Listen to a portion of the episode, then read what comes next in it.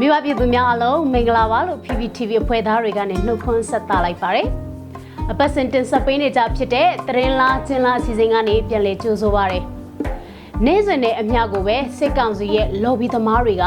ပြည်သူတွေကိုအစိတ်ခတ်နေတဲ့တရင်အတုတရင်အမှားတွေကိုဒီတစ်ပတ်မှာလည်း internet ပေါ်ကအချက်လက်စစ်ဆေးပြီးတော့ရှာဖွေအသိပေးသွားအောင်မှာပဲဖြစ်ပါတယ်။ဒီတစ်ပတ်အသိပေးသွားမဲ့တရင်အမှားအကြောင်းအရာတွေကတော့ တရိတ်ကျွတ်လာပြည်နေမှာရွှေတီကုံဖျားပေါ်ဆန္ဒပြလူငယ်တွေကိုဖျားဖို့ပြည်သူတွေကဝိုင်းဝန်းဖမ်းဆီးပြီးတော့ရဲလက်ကိုအပ်လိုက်တယ်ဆိုတဲ့သတင်းအမှားရခိုင်ပြည်နယ်မှာတိုက်ပွဲတွေပြင်းထန်နေချိန် AA နဲ့ ARSA တို့ပူးပေါင်းစစ်စင်ရေးပြုလုပ်မယ်ဆိုပြီးတော့ပြည်သူတွေအမြင်မှားအောင်လို့လှုပ်ကြံပုံဖြတ်ထားတဲ့သတင်းအမှားနဲ့ စီတန်ပြုတ်လုထားရကနေစစ်ကောင်စီထံကိုပြန်ဝင်သွားတဲ့ပုံမှုသတင်းနဲ့ဆက်ဆက်ပြီးတော့ CTM ဘိုကြီးညီတုတအချုပ်ထဲထဲကစစ်ဆေးခံနေရတယ်ဆိုတော့လောက်ကျန်သတင်းအမှားတွေကိုတင်ဆက်ပေးသွားမှာပါပထမဆုံးအနေနဲ့အသိပေးခြင်းတဲ့သတင်းအမှားကတော့သတင်းကြလာပြည်နယ်မှာရွှေတကုံဖျားပေါ်မှာဆန္ဒပြလှုပ်ရှားမှုပြုလုပ်ခဲ့တဲ့လူငယ်တွေကိုပြည်သူတွေကဖမ်းပြီးတော့ရဲလက်ထဲအလိုက်တယ်ဆိုတော့သတင်းအမှားအကြောင်းပါ ရွှေဒီကုံဖျားဆိုတာကရန်ကုန်မြို့ရဲ့အထင်ကရနေရာတစ်ခုပါစစ်သားလူထွက်တွေကဂောဘကခုံမှာထိုင်နေပြီးတော့ဖျားပရဝုံတစ်ခုလုံးကို CCTV တွေအပြည့်တက်ထားပါတယ်လုံခြုံရေးယူနီဖောင်းတွေနဲ့ရောဖျားဝန်ထမ်းတွေပါမနေမနှောရှိတဲ့နေရာဆိုလဲမမှားပါဘူးအဲ့ဒီလိုအခြေအနေတွေမှာရန်ကုန်လူငယ်တပိတ်အင်အားစုတွေကဖျားရင်ပြင်တော်ပေါ်တက်ပြီးတော့အကြမ်းဖက်စစ်တပ်ကြရှုံးရေးဆန္ဒပြလှုပ်ရှားမှုတွေပြုလုပ်ခဲ့ပါတယ် လောက်တဲ့နေ့ကလည်းလူတွေစီကားလှပါတယ်ဆိုတော့သတင်းကျွတ်လာပြည်နေမှာပါဒါကအကြမ်းဖက်စိတ်ကောင်စီကိုနရွတ်တွေဆွဲ့ယုံမကပါဘူးဖနက်မှာချီးတုပ်ပြီးတော့ဘားရိုက်လိုက်တယ်လို့ပါပဲသတင်းဌာနတွေကလည်းရွှေတီကုံဖျားပေါ်ကဆန္ဒပြလှုပ်ရှားမှုကိုတပ်ပုံတွေနဲ့ဖော်ပြခဲ့ကြပါတယ်အခုလိုဆန္ဒပြလှုပ်ရှားမှုပြုလုပ်အပြီးနောက်တရက်ဖြစ်တဲ့ အောက်တိုဘာလ10ရက်နေ့မှာဆန္ဒပြလူငယ်တွေအဖမ်းခံရပါတယ်ဆိုတဲ့သတင်းကို Facebook စာမျက်နှာတွေပေါ်မှာမျှဝေမှုတွေလုပ်နေတာတွေ့ရတဲ့အတွက်ကျမတို့သတင်းလားကျင်လား fact check အဖွဲ့သားတွေကအချက်လက်စစ်ဆေးမှုပြုလုပ်ခဲ့ကြပါတယ်ဒီလိုစစ်ဆေးတဲ့အခါမှာတော့ Facebook account တစ်ခုဖြစ်တဲ့ Psoji ဆိုတဲ့ account ကနေအဲ့ဒီသတင်းအမှားကိုစတင်ဖြန့်ချီခဲ့တယ်ဆိုတာကိုစစ်ဆေးတွေ့ရှိရပါတယ်။ အဲ့ဒီ post ကိုလူပေါင်း496ယောက်က like လုပ်ခဲ့ပြီးတော့ comment ကိုလူပေါင်း33ကရေးထားတဲ့အပြင်လူပေါင်း44ယောက်ကပြန်လည်မျှဝေထားတာကိုလည်းတွေ့ရပါတယ်။အဲ့ဒီကြောင့်နဲ့ပတ်သက်လို့အချက်လက်ရှာဖွေစစ်ဆေးကြည့်လိုက်တဲ့အခါမှာတော့သတင်းမီဒီယာလှုပ်ထုံးလှုပ်နည်းအတိုင်းလောက်ကင်နေကြတဲ့သတင်းဌာနတွေမှာအဖမ်းခံရတယ်ဆိုတဲ့သတင်းမျိုးဖော်ပြထားခြင်းမရှိတာဆ န္ဒပြလှုပ်ရှားမှုပြုလုပ်ခဲ့တဲ့အဖွဲ့က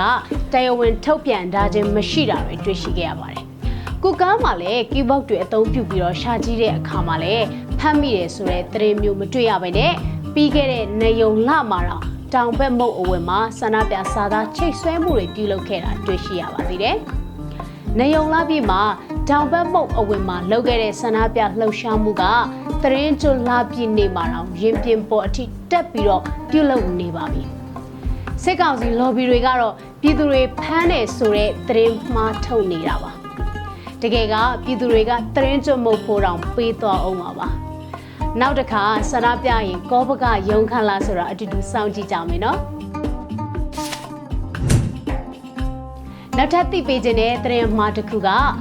ရခိုင်ပြည်နယ်မှာတိုက်ပွဲတွေပြင်းထန်နေချိန် AA နဲ့ ARSA တို့ပူးပေါင်းစစ်စင်ရေးပြုလုပ်မယ်ဆိုပြီးတော့ပြည်သူတွေအမြင်မှားအောင် လောက်ကျန်ပုံဖြတ်ထားတဲ့သတင်းအမှားပါရခိုင်ပြည်နယ်မှာအကြမ်းဖက်စစ်တပ်နဲ့ရခိုင်တပ်မတော် AA တို့အကြားတကြော့ပြန်တိုက်ပွဲတွေပြင်းထန်နေပါတယ်အဲ့ဒီလိုတိုက်ပွဲတွေပြင်းထန်နေတာနဲ့အတူ AA ကလည်းအကြမ်းဖက်စစ်တပ်ရဲ့အခြေစိုက်စခန်းတွေကိုတိုက်ခိုက်သိမ်းပိုက်ထားနိုင်တယ်လို့တပ်ပုံတွေနဲ့တကွထုတ်ပြန်ထားပါတယ်ဒီလိုအခြေအနေတွေမှာ AA နဲ့ ARSA တို့ပူးပေါင်းစစ်စင်ရေးပြုလုပ်မယ်ဆိုတဲ့သတင်းတပုတ် Facebook မှာပြန့်နှံ့လာတာကိုတွေ့ရှိရပါတယ်။ ဒီသတင်းကိုတော့ Facebook account တစ်ခုဖြစ်တဲ့တော်မြတ်တီရာစုံအမည်နဲ့ Facebook ကစတင်ဖြန့်ချီခဲ့တာဖြစ်ပြီးတော့အဲ့ဒီ post ကိုလူပေါင်း198ယောက်က like လုပ်ခဲ့ပြီး9ယောက်က comment ရေးသားဖော်ပြထားတဲ့အပြင်လူပေါင်း60ယောက်ကပြန်လည်ဖော်ပြထားတာကိုတွေ့ရှိရပါတယ်။ဒီကိစ္စနဲ့ပတ်သက်လို့ထုံးစံအတိုင်းကျမတို့အဖွဲ့သားတွေကအချက်လက်တွေနဲ့ရှာဖွေစစ်ဆေးကြည့်လိုက်တဲ့အခါမှာတော့ RFA သတင်းဌာနရဲ့စက်တင်ဘာလ22ရက်သတင်းမှာ AA အဖွဲ့ဟာမောင်တော်မြို့နယ်မြောက်ပိုင်းမှာ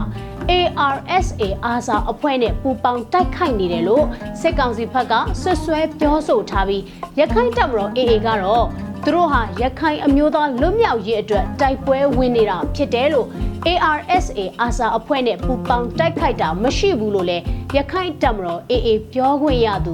ဦးခိုင်တုခကတုံ့ပြန်မာတယ်လို့ဖော်ပြထားတာတွေ့ရပါတယ်။